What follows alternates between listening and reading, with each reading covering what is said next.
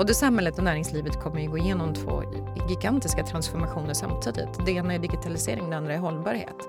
Och det kommer förändra i grunden hur vi arbetar, vilka produkter vi tar fram, hur vi mäter och följer upp, liksom allt.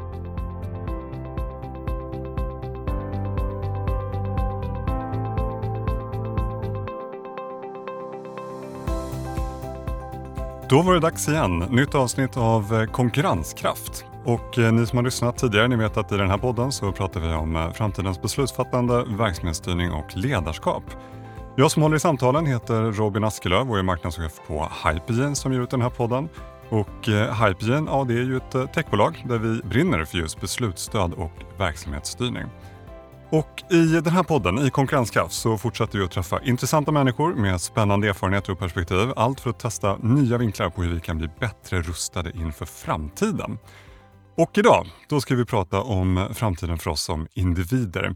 Eller snarare hur eh, tekniken skapar nya möjligheter för oss, kanske hot, och eh, hur det har potential att faktiskt ändra förutsättningarna för hur vi lever och jobbar. För så är det ju. Teknikutvecklingen den rullar på som en väldigt, väldigt snabb ångvält och det kan ibland vara svårt att ens ta in allt nytt som händer. Och då blir det ju ännu svårare att ha ett samtal om saken. Och eh, det här det är något som dagens gäst funderat en hel del på. Så mycket att hon nyligen kommit ut med boken Ditt framtida jag. Och eh, då säger jag därför hej och välkommen till Sara Arvall. Kul att ha dig här. Hej och tack för att jag får komma hit. Hur står det till? Jag mår alldeles utmärkt, tack. Härligt, härligt. Jag tänker att vi ska prata om eh, diverse saker, men vi ska såklart um, eh, komma in mycket på det du har skrivit om i, uh, i boken. Men bara för att sätta dig på kartan lite för, för lyssnarna, så, så tänker jag att jag, jag drar några ord om din bakgrund, mm. så får du hojta till om jag missar någonting. Eh, och till vardags då arbetar du i bankvärlden. Och där sitter du i högsta ledningen på SEB. Eh, där var du fram till nyligen chef för digitalisering och kommunikation, men eh, sedan november om jag förstått det rätt, är du chef för bankens hela förändringsarbete. Och eh, du är styrelseledamot på flera ställen, Vinnova, SNS, Bonnier News, där Dagens Nyheter och Dagens Industri ingår. Så, så kort sagt, det var en spännande bakgrund. Och jag, jag tänkte skulle börja med att fråga, du har ju flera gånger hoppat mellan olika eh, branscher. Kört eget, drivit ett litet bolag, suttit i ledningen på storbolag, varit styrelseproffs och nu också författare. Vad säger det om dig? ja, det kanske säger att jag eh, är ständigt nyfiken, hoppas jag. Eh, eller en orolig själ, om man vill ta det från andra hållet. Men, men jag tror... Jag har ju alltid hållit mig i gränslandet mellan teknik, människa och eh, produktutveckling. Mm. Och det har jag istället då applicerat på väldigt många olika miljöer. Mm. Eh, och jag tänker att jag ska försöka vara terränggående, att liksom klara av olika miljöer och olika branscher eh, men att ta med mig de frågor som jag kan. Och jag upplever nog att man både när man rör sig mellan små och stora bolag kan ta med sig mycket av energin från det lilla bolaget men också strukturen och metoderna från ett stort bolag in i det lilla och att branscher emellan har fler likheter än vad de oftast vill erkänna. Ja, det är sant. Och eh, nu har du alltså skrivit den här boken, då, Ditt framtida jag. Eh, och eh, jag får lite prestationsångest. Jag som känner att jag, jag har någonstans en bok i mig som, som väntar på att få komma ut. Eh, oklart vilket ämne kanske, men, men jag, alltså jag fattar inte hur du hinner med det här. För att parallellt med allt du gör så har du också skrivit en bok. Mm. Hur, hur har det gått till rent praktiskt? Men det är väl en bra beskrivning som du säger, att ha en bok i sig. Mm. För att det tror jag, om man ska jobba samtidigt måste man ha. Jag har haft den här i mig väldigt, väldigt länge. Jag har skrivit på den rent faktiskt, fysiskt, i sex år. Okay.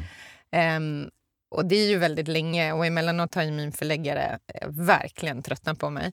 Eh, men samtidigt eh, så kan jag känna att det har varit, för mig har det varit som en avkoppling. Mm. Att när, när liksom vardagen stressar upp en och man har otroligt mycket att göra så kommer jag hem och så sent på kvällen kan jag slå upp min dator och liksom förlora mig i min, mina boktankar och, mm. och skriva som ju är nästan terapeutiskt. Mm. Um, men sen har jag fördelen att ha ett jobb där jag kan intervjua och träffa väldigt många spännande forskare, entreprenörer, människor som verkligen flyttar gränser inom ny teknik. Så jag har också kunnat ta till mig väldigt mycket mm. kunskap under de här åren som har hela tiden fötts in i boken. Mm. Så det har på något sätt blivit som att jag har levt i den här bokvärlden som ett parallellt universum samtidigt som jag har jobbat. Men sen, sen eh, det tar ju tid att skriva en bok. Mm. Det ska väl ta tid. Mm. Det är väl lite av poängen att det är ett långsamt medium. Mm. Ja, men så, så är det. Nej, men det är imponerande.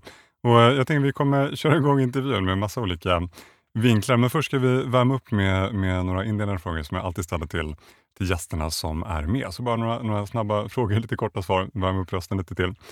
Eh, är du redo? Jag tror det. Ja, det låter bra. Eh, när har du som eh, roligast på jobbet? En roligast är definitivt när jag får testa helt ny teknik eh, och hur det verkligen fungerar. Just nu handlar det väldigt mycket om AI-modeller som appliceras på stora mängder data. Mm, det kan jag tänka mig. Eh, de senaste 12 månaderna, senaste året har varit minst sagt speciellt. Eh, vad är du mest stolt över från året som gått? Um, nej, men jag är nog mest stolt över att få vara del av den hållbarhetsomställning som pågår i samhället även om den eh, inte har tillräckligt högt tempo. Mm. Eh, men att ändå få vara med och driva. Just som bank kan man ju göra skillnad på riktigt i den frågan. Det finns väldigt många företag som måste snabbt ställa om sin affärsmodell eh, helt och hållet, sina transportkedjor och produktionsmetoder och då behövs mm. det väldigt mycket kapital. Så att, eh, det är ju fantastiskt viktigt känner jag. Mest stolt över på riktigt konkret så är det väl att vi lanserade en green tech-fond. Alltså en fond som ska hitta de nya spännande entreprenörerna med teknik för eh, klimatomställning mm. som mm. jag tycker är riktigt om man, eh, om man tittar framåt då, eh, om tre år, vad, vad tror du att du är mest stolt över då? Alltså jag tror ju kanske... Jag hade hellre svara på frågan om tio år. Okay. För att jag tror att... Jag skulle önska att jag är mest stolt över att den här hållbarhetsomställningen verkligen hände. Mm. Eh, det måste ske, eh, men den kommer inte ske på tre år. Mm. Så på tre år då blir väl svaret att, att vi ser tecken på att det börjar gå åt rätt håll. Att mm. vi verkligen får ner CO2-utsläppen. Det, det är det jag verkligen brinner för mm. att åstadkomma. Den här podden den handlar ju om uh, inspiration. Uh, du sprider mycket inspiration, inte minst via den här boken. Hur hittar du själv din inspiration? Um, nej men jag, jag tycker att en av de mest fascinerande delarna av den här nya medie och teknikvärlden är ju möjligheten att kunna följa människor riktigt nära. Så jag är väldigt skicklig på att identifiera spännande tanke ja, men personer som verkligen tänker nya tankar. Mm. Det kan vara en forskare jag läser om med andra sidan jordklotet eller en person jag lyssnar till någonstans. Um, och det, det som är så härligt nu är att du kan ju gå in i den personens liv. Du kan följa vad de äter, höll jag på att säga. Men det kanske mm. inte är så viktigt. Men vad de läser, vad de lyssnar på för poddar, vilka konferenser de går på, mm. vad de skriver. Så kan man ju liksom på något sätt så kliva in i mm. nya universum. Eh, och jag tycker det är ett väldigt härligt sätt att lära sig mer. För att du mm. kan du kan fånga någon annans perspektiv på frågor och få därmed utmana dina egna tankemönster. Mm, ja, bra, bra tips. Vi drar igång själva, själva intervjun nu. Um, när jag läser din bok, för jag har den hemma och jag har läst den, eh, då förstår man att du vill peka på hur tekniken påverkar eh, oss som individer, möjligheter, risker, eh, kanske framförallt möjligheter. Hur skulle du beskriva din, din egen drivkraft till boken? Alltså vad, vad är det du vill bidra med genom den? jag skrev den här boken eftersom jag kände att jag har jobbat med ny teknik så väldigt länge och ju sett hur mängder av tjänster har utvecklats som har förenklat vår vardag. Från det mest banala till eh, förenkla betalningen i, i våra banktjänster till att beställa en taxi eh, med smarta appar. Det har varit så otroligt liksom, eh, vardagsförbättrande eh, fokus. Mm. Eh, men det som hände för några år sedan då var att jag träffade fler och fler både forskare och entreprenörer som, som använde tekniken till, till olika tjänster som verkligen klev närmare kroppen. Mm. Eh, och ibland till och med, som jag skriver med boken, in i kroppen. Så den digitala tekniken används då till att förstärka vår hjärnas förmåga, våra sinnen, förstärka våra muskler. Eh, och för mig jag kände att det är ett annat kliv. Det är en annan typ av revolution. För rätt mycket av den digitala tekniken har trots allt liksom handlat om det som sker utanför vår, vår fysiska mänskliga enhet. Och det här förändrar ju, eller har potential, ska jag säga, det har inte hänt än, men det har potential att förändra oss som människor i grunden. Och jag tycker nog att vi bör diskutera det ordentligt. Mm. För att det, det är så revolutionerande att, att det är viktigt att fundera över vad vill vi förstärka i mänskligheten? Mm. Vad kommer många till godo, men också vad är det som, som vi bör bevara så att inte vi liksom springer in i den här möjligheten Mm. naivt optimistiska utan att tänka efter på de långsiktiga konsekvenserna. Mm. Och det, jag önskar liksom att få igång ett samtal kring det. Det är därför jag skrev boken. Jag tycker det Mm. är otroligt fascinerande eh, att, att kunna liksom se saker jag inte tidigare sett för att linserna kan förmå oss att se både mörker och se värme och se Mm. betydligt skarpare. Men, men samtidigt så tycker jag att det är viktigt att prata om vad är det nya normala? Vad är det vi vill att människan ska kunna göra? Mm. För att brodera ut det där, du, alltså den, den boken har skrivit är ju full av exempel. Eh, hur tekniken både har förändrat och, och är liksom, som du säger, mitt i steget någonstans och, och, och göra det.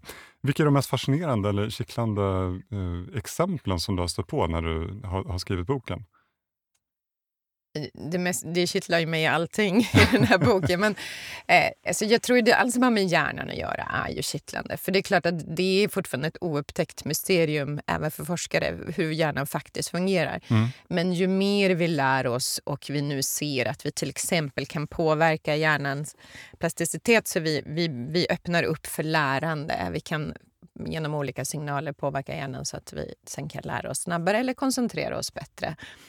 Mm, men det är ju spännande. Och sen om man går ett steg längre dit Elon Musk och Mark Zuckerberg och andra teknikledare vill ta så handlar det ju om att, att egentligen kunna läsa av hjärnans signaler för att sömlöst kunna föra in dem i datorn. Det vill Ja, säga att jag kan tänka ljus och lampan tänds. Eller jag Mm. tänker en text och den skrivs in på datorn. Jag behöver inte trycka med ett kommando eller med Mm. tangenter eller någonting annat. Det är ju hisnande. Eh, och där någonstans är man ju också inne i frågor som, som har mängder av konsekvenser. Ja, det blir ju mycket integritetsfrågor och, och säkerhet inte minst. Ja, det är, det är nästan omöjligt att föreställa sig vad det faktiskt innebär. Mm. Men, men de är ju där eh, och testar. Och nu var det ju senast i, igår eller förrgår som, som Elon... Först gick han ju ut med Elon Musk med eh, då, eh, studier på grisar där man har eh, satt in chips som implantat och nu var det på apor. Mm. Ehm, så att man testar ju det på riktigt. Och det är hans bolag, eller hur? Den, Neuralink. Neuralink, Ja, precis. Ja. Som ju då testar. Men då är det ju ändå med ett invasivt ingrepp, en, Mm. ett chip in i hjärnan. Det som Mark Zuckerberg testar är ju andra sätt att avkoda utan att du behöver göra den typen av, av operation. Men allt det här, det ligger ju väldigt långt framme. Mm, mm. Eh, även om tekniskt sett kommer det säkert vara möjligt inom kort. Men, men innan vi överhuvudtaget tar oss de gränserna. Men, men redan här och nu finns det ju teknik som verkligen kan förstärka mina sinnen, som jag sa med linser, men också hörsnäckor som gör att jag kan zooma in på ett samtal på avstånd eller stänga av ljud jag inte vill höra. Mm. Det finns ha- handskar jag kan ta på mig med konstgjord hud som gör att jag kan känna objekt som, inte, som var så små att jag tidigare inte uppfattade dem. Okej. Så det finns, ju, det finns så mycket som händer som Mm. verkligen flyttar fram oss. Och inte minst de olika typer av, av mjuka underställ som gör att jag orkar mycket mer. Jag orkar gå 20% längre. Ja. Eh, Jag kan ta mig upp ur en låg soffa om jag är äldre och börjar Mm. få problem med min kropp. Eh, Så, att, så att jag tror de sakerna kanske inte känns lika kittlande men de flyttar ju fram gränserna.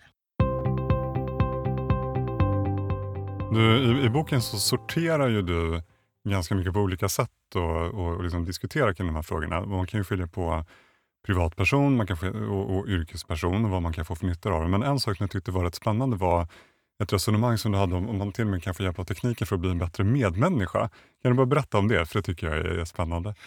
Jo, men det handlar ju om sätt att eh, först och främst lära känna sig själv bättre för att förstå hur jag påverkar andra människor. Mm. Och teknik idag kan ju Genom sensorer kan jag ju väldigt lätt mäta elektriskt motstånd i huden. Det vill säga om jag blir stressad eller påverkad så märks det väldigt snabbt i, mig, i hur min hud reagerar. Det tänker vi ju inte på Mm. till vardags förutom om vi svettas enormt mycket. Men, men även utan att vi märker det så kan sensorer uppfatta det. På samma sätt så kan man ju mäta till exempel med korta videoklipp när vi sitter på Zoom eller Teams eller annat. 30 sekunder räcker för att få hemoglobinkoncentrationen i, i blodflödet. Och det är i sig en väldigt bra indikator mm. på hur du mår. Mm. Du kan mäta dina ögon och så vidare. Om jag förstår hela mitt känsloregister och får en databas på det när jag är lugn, när jag är avslappnad, när jag blir stressad, när jag är mm. glad, när jag är trött och så kopplar jag det mot till exempel att du och jag sitter här nu, mm. som det står i min kalender. Eller andra möten jag har under dagen med personer eh, och platser. Så får jag plötsligt ett, en databas på med vilka trivs jag? Mm. Med vilka får jag negativ energi? Vad blir jag stressad av? Vilka möten? Mm. Vilket ju gör att jag lär mig mer av hur jag interagerar med andra. Eh, och I förlängningen kan man ju säga, det beror ju bara på hur man vill de dela data, men jag skulle ju egentligen kunna få dela ditt känsloregister också. Ja, för att fånga upp dig som vän mm. eh, om du till exempel mår sämre. Mm. Eh, eller för den delen kunna peppa och så vidare. Och, och det kan ju låta extremt, för, för känslor är ju trots allt väldigt intima. Det är inte säkert jag vill dela allt, men det finns ju också någonting i den här nya världen vi har tvingats in i när vi bara ses på skärmar och på sms. Mm. Att vi förlorar ju väldigt mycket av det vi kan läsa av i det fysiska mötet. Eh, så man kan ju fråga sig ändå om vi kanske inte skulle behöva lite fler känslosignaler också som kommuniceras mellan människor för mm. att just bli mer med, medmänskliga. Mm. Det är jätteintressant. Alltså, och återigen, det, det du är inne på också med, med möjligheten att se varandras känsloliv, alltså integritetsfrågan. Ja, mina tankar går till eh, jobbsituationen. Vilken möjlighet och rättighet skulle jag som arbetsgivare ha? Kunna börja läsa av mina, mina medarbetare. Man kan ju verkligen tänka sig tusen exempel på när det här blir tokfel. Så. Mm. Eh, har du sett några exempel på när, när just den här typen av datainsamling redan idag börjar bli, bli ett problem? Ja, nu har vi ju ganska bra lagstiftning i hela Europa mm. kring de här frågorna. Men tittar man ut i världen så ser man ju att både i Kina och USA så, så trycker man ju fram eh, utvecklingen i rätt snabb takt nu. I USA är det nu 20% av alla företag med mer än 250 anställda som faktiskt redan idag mäter sina anställda på olika sätt. Mm. Det gör man oftast genom uppmuntran, det vill säga eftersom man som, som med, medarbetare i USA ofta betalar för till exempel för sin sjukförsäkring så får man den kanske gratis eller billigare mm. Mm. om man då bär någon form av eh, sensorarmband. Ah, mm. Kopplat till det. Och det gör ju arbetsgivarna emellanåt av goda skäl. De vill uppmuntra sina anställda till att röra sig, må bättre, mm. vara friskare för det blir också billigare för företaget. Men det är precis som du säger, du kan ju också börja mäta väldigt mycket. Det, finns ju, det kom ut en ny studie eh, för inte så länge sedan där man kunde då visa att genom att studera rörelsemönster på kontoret mm. så kan du hitta indikatorer på att personer är på väg att säga upp sig. Okay. Du byter nämligen ditt rörelsemönster då, ibland omedvetet. Du hänger längre med dina kollegor innan mm. corona nu. Mm. Stannar kvar på, vid någons eh, bänk längre, mm. går ofta och tar kaffe. Du liksom har ett annat, mm. en annan rytm. Och det i sig betyder att någonting stämmer inte med dig. Mm. Och det är klart att i den bästa världen skulle du säga att det var positivt och då kan du stötta den medarbetaren. Men det är klart att i de allra flesta fall så vill ju inte medarbetaren mm. att det är något som ska märkas. Mm. Eh, så, och, och, det finns ju väldigt många mm, rapporter nu, till exempel från Amazon, där medarbetare gör uppror över att, mm. att man spårar hur länge man går på toaletten ja, och sådär, ganska mm. otäcka saker. Mm. Så att, det finns ju ett kinesiskt företag som har en hjälm, ett byggbolag eh, som testar en hjälm med samma typ av sensorer. som mm. ju gör, Du måste ha hjälmen på på arbetsplatsen, men okay. hjälmen fångar också eh, i princip hur du mår och hur du rör dig. Och det pågår nu? Och det pågår ja. här och nu. Men då är det i, i ett sammanhang där en hjälm är en, en naturlig del av vad de ska ha på sig? Eller? Ja, precis. Det är ju en arbetsplats där du tvingas bära hjälm av skyddsskäl. Ja, just det, just det. Men poängen är ju att arbetsgivaren då samtidigt integrerar in mätsensorer ja, ja. som ju då man såklart skulle önska var frivilligt, ja, eh, om ens kanske inte ens tillåtet. Det, det beror ju på var man står i den här frågan. Men, men det är klart att baksidan med hela den här tekniken är ju ofta att så länge du lär känna dig själv mm. och, och äger din data så kan du få helt nya upptäckter om, mm. om hur du mår mm. och vem du är. Men så fort den kommer i händerna till någon annan så hamnar du i alla de här mm djupt problematiska frågorna. Så det, det, är väl det som, och det är därför jag tror det är så viktigt att diskutera. Mm. När, när är den här datan viktig och när ska den inte spridas? Mm. Nej, men exakt. Och det, det vi pratar om här det är ju verkligen, för att uttrycka milt, förändringar. Eh, och då, det finns ju någon form av förändringstakt i det där. Och eh, jag tänkte att testa ett resonemang på dig och, och se vad du får för tankar. För att det här med förändringstakt, det är någonting som, som jag funderar ganska mycket på. Det kan låta lite klyschigt det här med att allt går snabbare hela tiden. Samtidigt som man bara gör tankeexperimentet eh, med att ta... Jag, jag har en son, vi pratade här innan, en son han heter Hector, han är snart tio år. Jag vet att du också har barn. Eh, och så, så tänker man på hur jag ser på honom utifrån förändring. Kan vi bara börja med att snurra tillbaka 200 år i tiden. Så kan man ta en jordbruksfamilj i Sverige för 200 år sedan. Föräldrar på den tiden, tror jag, nog inte funderade ens på begreppet förändringstakt, för det var vad det var. Och när de tittade på sina barn så tror jag att de förutsatte någonstans att de kommer leva i princip samma typ av liv som vi. Eh, det, årstiderna kom och gick, det kanske gick sönder någon skördetröska, någon, någon häst dog och sådär. Men i övrigt så var ju omvärlden och den, den sammanhang man levde i var ju densamma. Och så spolar vi fram till idag och så tittar jag då på, på min son och jag tänker ju på riktigt att jag tror att han kommer leva ett radikalt annat typ av liv än vad jag har gjort. För att allting pekar ju på att det kommer bli så. Jag tror till exempel, eh, han kommer säkert befinna sig i rymden någon gång under sin livstid. För det mesta pekar ju på att det skulle bli så snarare än att det inte skulle bli så. Jag kan tänka mig att han kommer bli 150 år gammal. Eh, det mesta pekar på att det ska bli så snarare än tvärtom. Sådär. Eh, och så tar man liksom, men det där blir ett tydligt exempel på förändringstakten som bara spinner iväg. Och så flyttar man över det till arbetslivet. Och så tänker man en chef, ledare idag. Det här är ju vad man har att förhålla sig till här också egentligen. Visserligen lite beroende på vilken bransch man är i såklart. Men vad är dina tankar där? För jag tänker, det här skulle ju kunna vara en av de största utmaningarna även vi som chefer och ledare har att förhålla oss till. Vad tänker du? Jo, men det, det tror jag, eh, som, både i det stora och i det lilla. Alltså, eller i med det, det, operativa, konkreta, men också i liksom, sättet att leda. Eh, jag tror att det finns väldigt mycket i näringslivet som är gamla strukturer vi inte ens tänker på att de finns. Mm. Alltså till exempel, eh, det, McKinsey gjorde en studie på styrelseagendor. Hur de ser ut och har sett ut över tid det finns nästan ingen skillnad över tid. Okay. Det är samma typ av rubriker, samma typ av tidsåtgång på respektive mm. frågor. Det ökar lite på så regulatoriska krav och annat, men det är väldigt likt. Mm. Kan ta andra exempel. Ta våra utbildningar på universiteten. Titta på ekonomiutbildningen idag på universiteten som är en av våra vanligaste mm. utbildningar vi skickar barnen igenom. Den är nästan identisk med hur den såg ut för 10 år sedan, 20 år sedan, 40 år sedan, 50 år sedan. Mm. Trots att vi jobbar helt annorlunda. Mm. Men vi liksom tutar på. Vi har inte lagt in till exempel då programmering och, och kanske än viktigare än programmering, användning av ja, tekniken det, i någon speciellt högre eh, utsträckning. Så att, med, med det vill jag egentligen säga att jag tror att det finns väldigt många strukturer som vi bara glömt bort att de cementerar gamla tankesätt mm. snarare att, än att tänka förändring.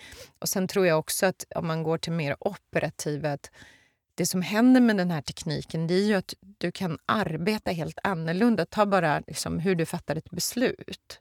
Hur vi fattade ett beslut tidigare handlade ju väldigt mycket om att liksom samla som expertis och, och, stora rapporter. Nu kan vi jobba med realtid, vi mm. kan jobba med prediktiva metoder. Vi kan förstå mycket mer. Vi gjorde precis en analys eh, på små snabbväxande företag där man kan hitta jättespännande indikatorer på vad som gör att bolag växer. Mm. Data som vi tidigare hade, men vi kunde inte tolka den. Mm. Vi hade inte applicerat de här avancerade machine learning-modellerna på det. Så det är som att vi får helt nya ögon, för att mm. vi kan nästan se in i framtiden med den här datan. Vi får helt nya metoder att utvärdera var vi står idag som företag och då måste vi ändra arbetssättet också. Mm. Verkligen. Mm. Men, men ehm, det är ju ofta det som är svårt. Den matematiska modellen är betydligt enklare än att ändra hur vi, hur, vi, hur vi fattar beslutet, hur vi litar till den datan och hur vi mm. pratar om den.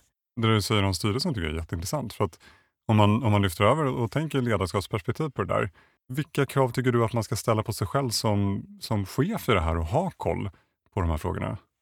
Nej, men jag, jag, tror ju tyvärr, det kanske inte är svaret som man vill höra, men jag tror ju att den moderna chefen måste ha väldigt god koll mm. på teknikutvecklingen. Jag tror att så sam, både samhället och näringslivet kommer att gå igenom två gigantiska transformationer samtidigt. Det ena är digitalisering, det andra är hållbarhet. Mm. Och det kommer förändra i grunden hur vi arbetar, vilka produkter vi tar fram, hur vi mäter och följer upp. Eh, liksom allt. Mm. Vad som är lönsamt och vad som inte är lönsamt. Um, så att det går, jag tror det går liksom inte att stå vid sidan och det går inte heller att säga jag är generalist och här är mina experter. För att det är ledarna som måste ta ansvar till, mm. tolka vad det här mm. betyder. Och framför allt för att det får så genomgripande förändringar på lång sikt. Och det är ju ledarens ansvar att, att måla ut den bilden framåt, den strategin. Mm. Så jag tror nästan omvänt, och det finns ju olika skolor i det här, men jag är helt övertygad om att de som verkligen sätter sig in på djupet i frågan kommer vara de bästa ledarna. Mm. Och jag tycker så här, Svaret finns ju någonstans i. Vart har vi sett den största tillväxten de senaste tio åren? Vilka bolag har ökat mest i värde? Och så tittar du på cheferna i de bolagen. Mm. De är nästan alltid teknikexperter. Mm. Det är inte generalister som blir ledare för de bolagen. De är djupt kunniga i vad tekniken har för kapacitet och möjligheter. Mm. Det vill mm. säga hur jag ska rigga och styra mitt bolag med hjälp av den. Mm. Sen är de ju fantastiska, eller ja, fantastiska är de kanske inte alla, men de har säkert goda ledarkvalifikationer också. Men samtidigt ska jag säga, för det, jag tycker man också får ta bort hokus pokus eh, flaggan från, från teknik. Så himla svårt är det ju inte att lära sig. Mm. Och det fina med den här nya världen är att liksom, om du går in på, på de här alla fantastiska de här så kallade MOOCs, alltså fria universitet online, så finns det ju jättebra utbildningar som du kan ta till dig online från världens främsta utbildare från Stanford och MIT och andra mm. ställen. Mm. Så det är inte så att det är omöjligt för vem som helst att, att ta till sig upp till den nivå man behöver. Mm. Man behöver ju inte liksom backa bandet och gå fyra år på KTH för det. Så. Ja, men så är det ju. Men sen om man, om man lyfter perspektivet ännu mer, när vi pratar chefer, pratar styrelse, kan vi prata samhälle då, så pratar vi politiker. Den tycker jag också är rätt intressant. Då har vi ju då politiker som sitter i vår riksdag. Man får ju förutsätta att de är, är kompetenta, de har hamnat där av ett skäl. Men, men ibland så kan vi fundera på om du tar de här riktigt svåra frågorna som AI till exempel, artificiell intelligens och vad de har för bakgrund, vad de har för teknisk bakgrund för att kunna förhålla sig till den typen av frågeställningar och ha den typen av diskussioner, kunna fatta beslut som handlar om hur Sverige som land ska vara positionerat för att vi ska funka som land i konkurrens med andra. Vad, vad tänker du där? Det där måste ju vara en jätteutmaning. Mm. Jag tycker det är slående. Jag bodde ju en tid, eh, några år i San Francisco Eh, och nu är ju Kalifornien extremt, men i hela den amerikanska mediedebatten och den politiska debatten är ju tekniken mycket mer när, närvarande. Det är mm. slående hur mycket mer man debatterar och diskuterar konsekvenserna av stora dataflöden för samhället. Mm. Möjligheten att bygga framtidens samhälle.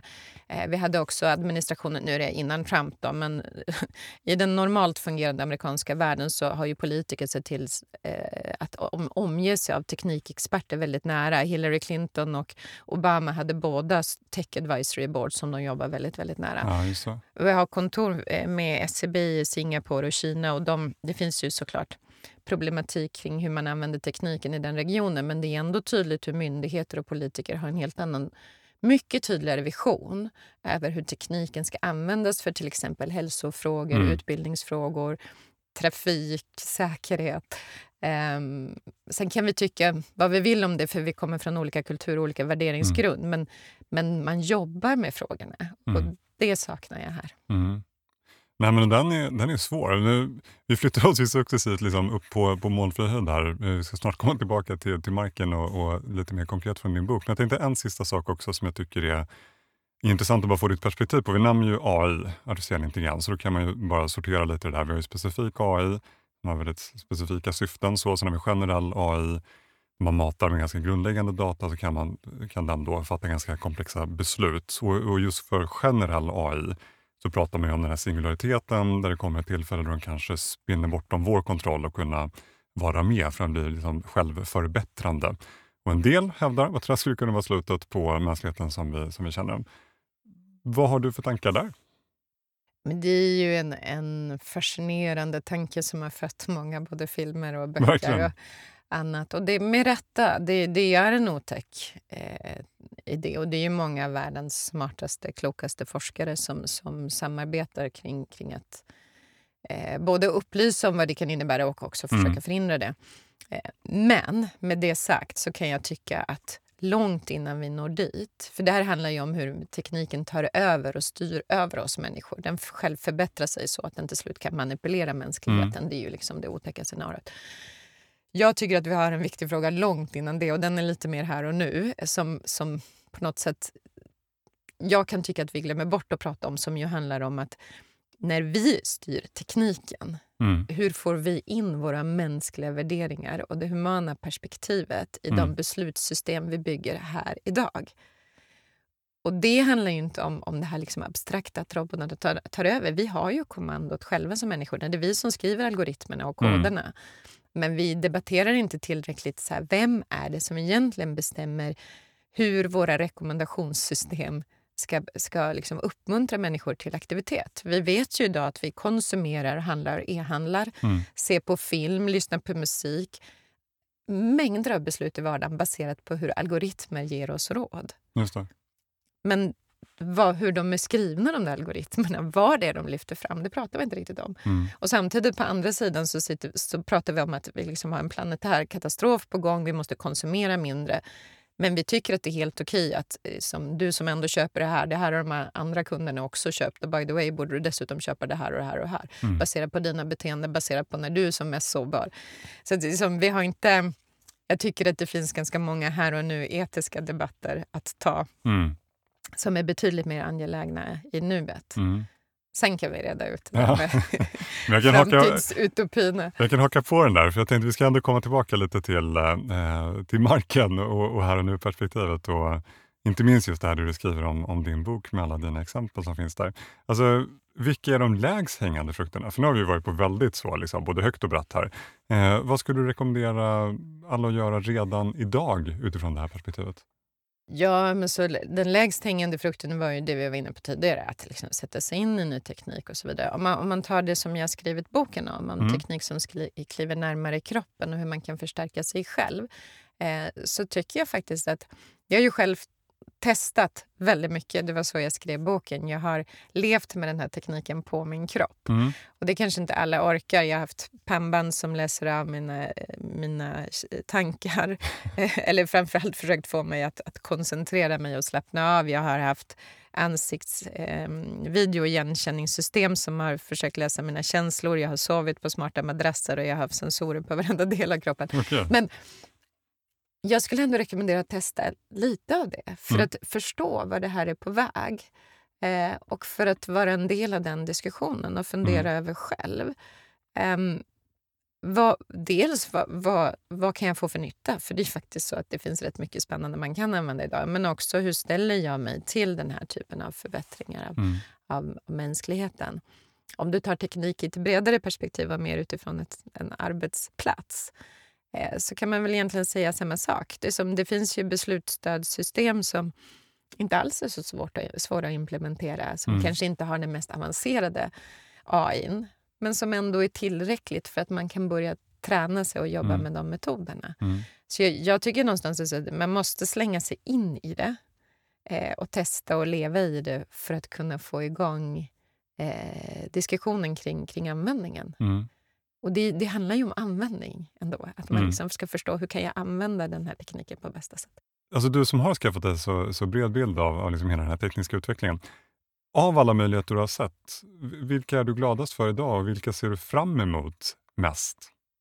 Nej, men jag tror alltså det som är viktigast för människan är väl all teknik som kan göra, få oss att leva friskare. Och Det är faktiskt en verklighet vi står inför.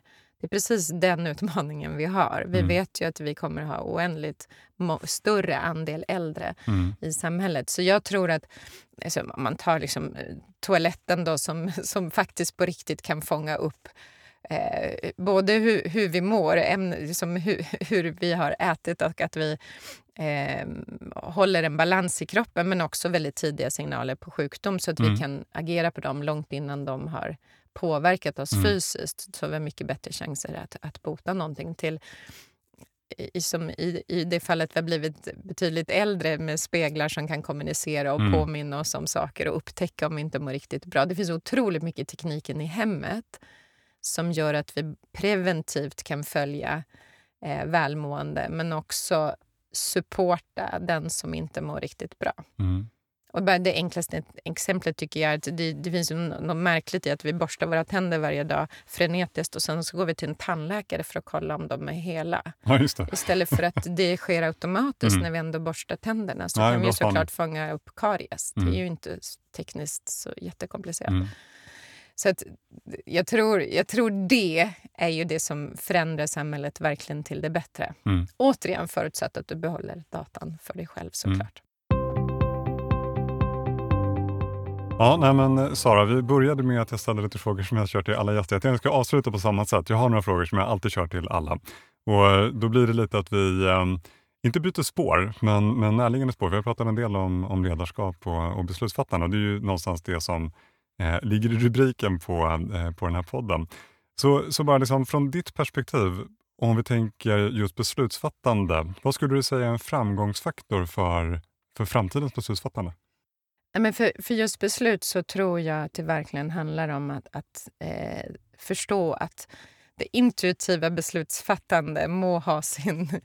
Eh, ja, det finns, finns en skönhet i det, men, men vi är förbi det nu. Mm, så att mm. man, man, måste liksom förstå att vi sitter på, på mängder av data som kan analyseras.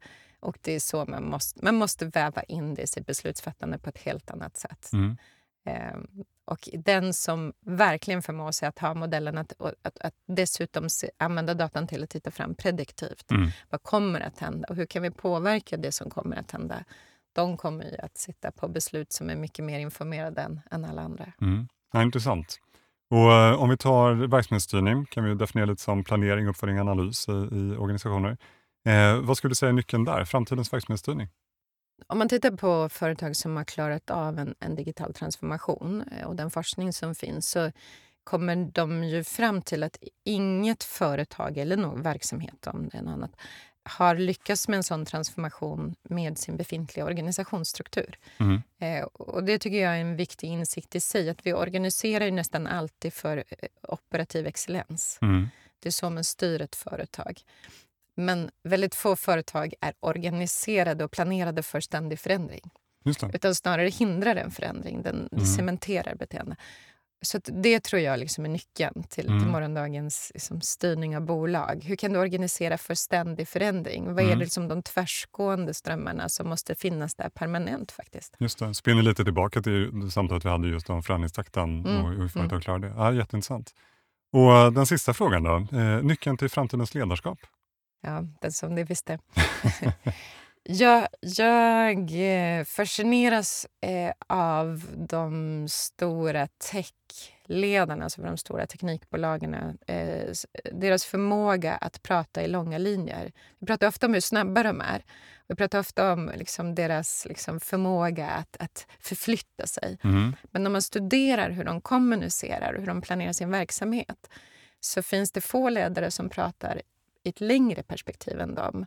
Om man tar Mark Zuckerberg på Facebook mm. till exempel så pratar han alltid om tioårsplanen. Ja, just det. Mm. Eh, och det, det, gäller egentligen ganska många av dem. De, de talar och tänker i långa linjer. Mm, eh, och det tror jag, på tal om din fråga, när förändringstakten är hög, då mm. tror jag att en ett misstag vi gör det är att vi blir väldigt fokuserade på här och nu. Vi mm. tänker att det går så fort så det går liksom inte att planera för länge sikt. Mm. Och jag tror att det är tvärtom. Att när det går riktigt fort då måste du höja blicken och tänka i den långa, långa linjerna. Mm. Vad är det som är de permanenta förändringarna och hur ser jag till i det snabba vardagliga att jag börjar röra mig åt det hållet? Och kanske allra mest, hur kommunicerar jag till mina medarbetare och partners att det är dit vi ska. Mm. Så att man får någon slags trygghet och stabilitet i det här turbulenta. Mm. Eh, det tror jag är jätteviktigt. Mm. Ja, spännande. Och, eh, Sara Arvald, det här var ett, eh, ett jätteintressant samtal. Verkligen. Tack så jättemycket för att du kom hit och delade Tack med dig. Tack för att jag fick komma. Och eh, alla ni som lyssnar, innan ni tar av er hörlurarna. Jag brukar alltid försöka tipsa om eh, bra läsning som har med avsnittet att göra. Eh, den här gången så tänkte jag inte tipsa om någon annan bok än den vi har pratat om idag. Så att, eh, jag kan verkligen rekommendera Ditt framtida jag av, eh, av Sara Arvall. Den är extremt läsvärd. Jag lägger ut titeln förstås i avsnittets beskrivning. Och dessutom, som jag alltid brukar tipsa om, gå in på hypeen.se. Där hittar du allt ifrån white papers, rapporter till webinars och föreläsningar. Och allt kretsar ju kring beslutsstöd och verksamhetsstyrning som ju vi jobbar med. Och slutligen, glöm inte att prenumerera. Vi har massa spännande gäster som kommer under våren. Så alla ni som lyssnar, Sara, eh, stort tack och ha en fortsatt riktigt, riktigt bra dag.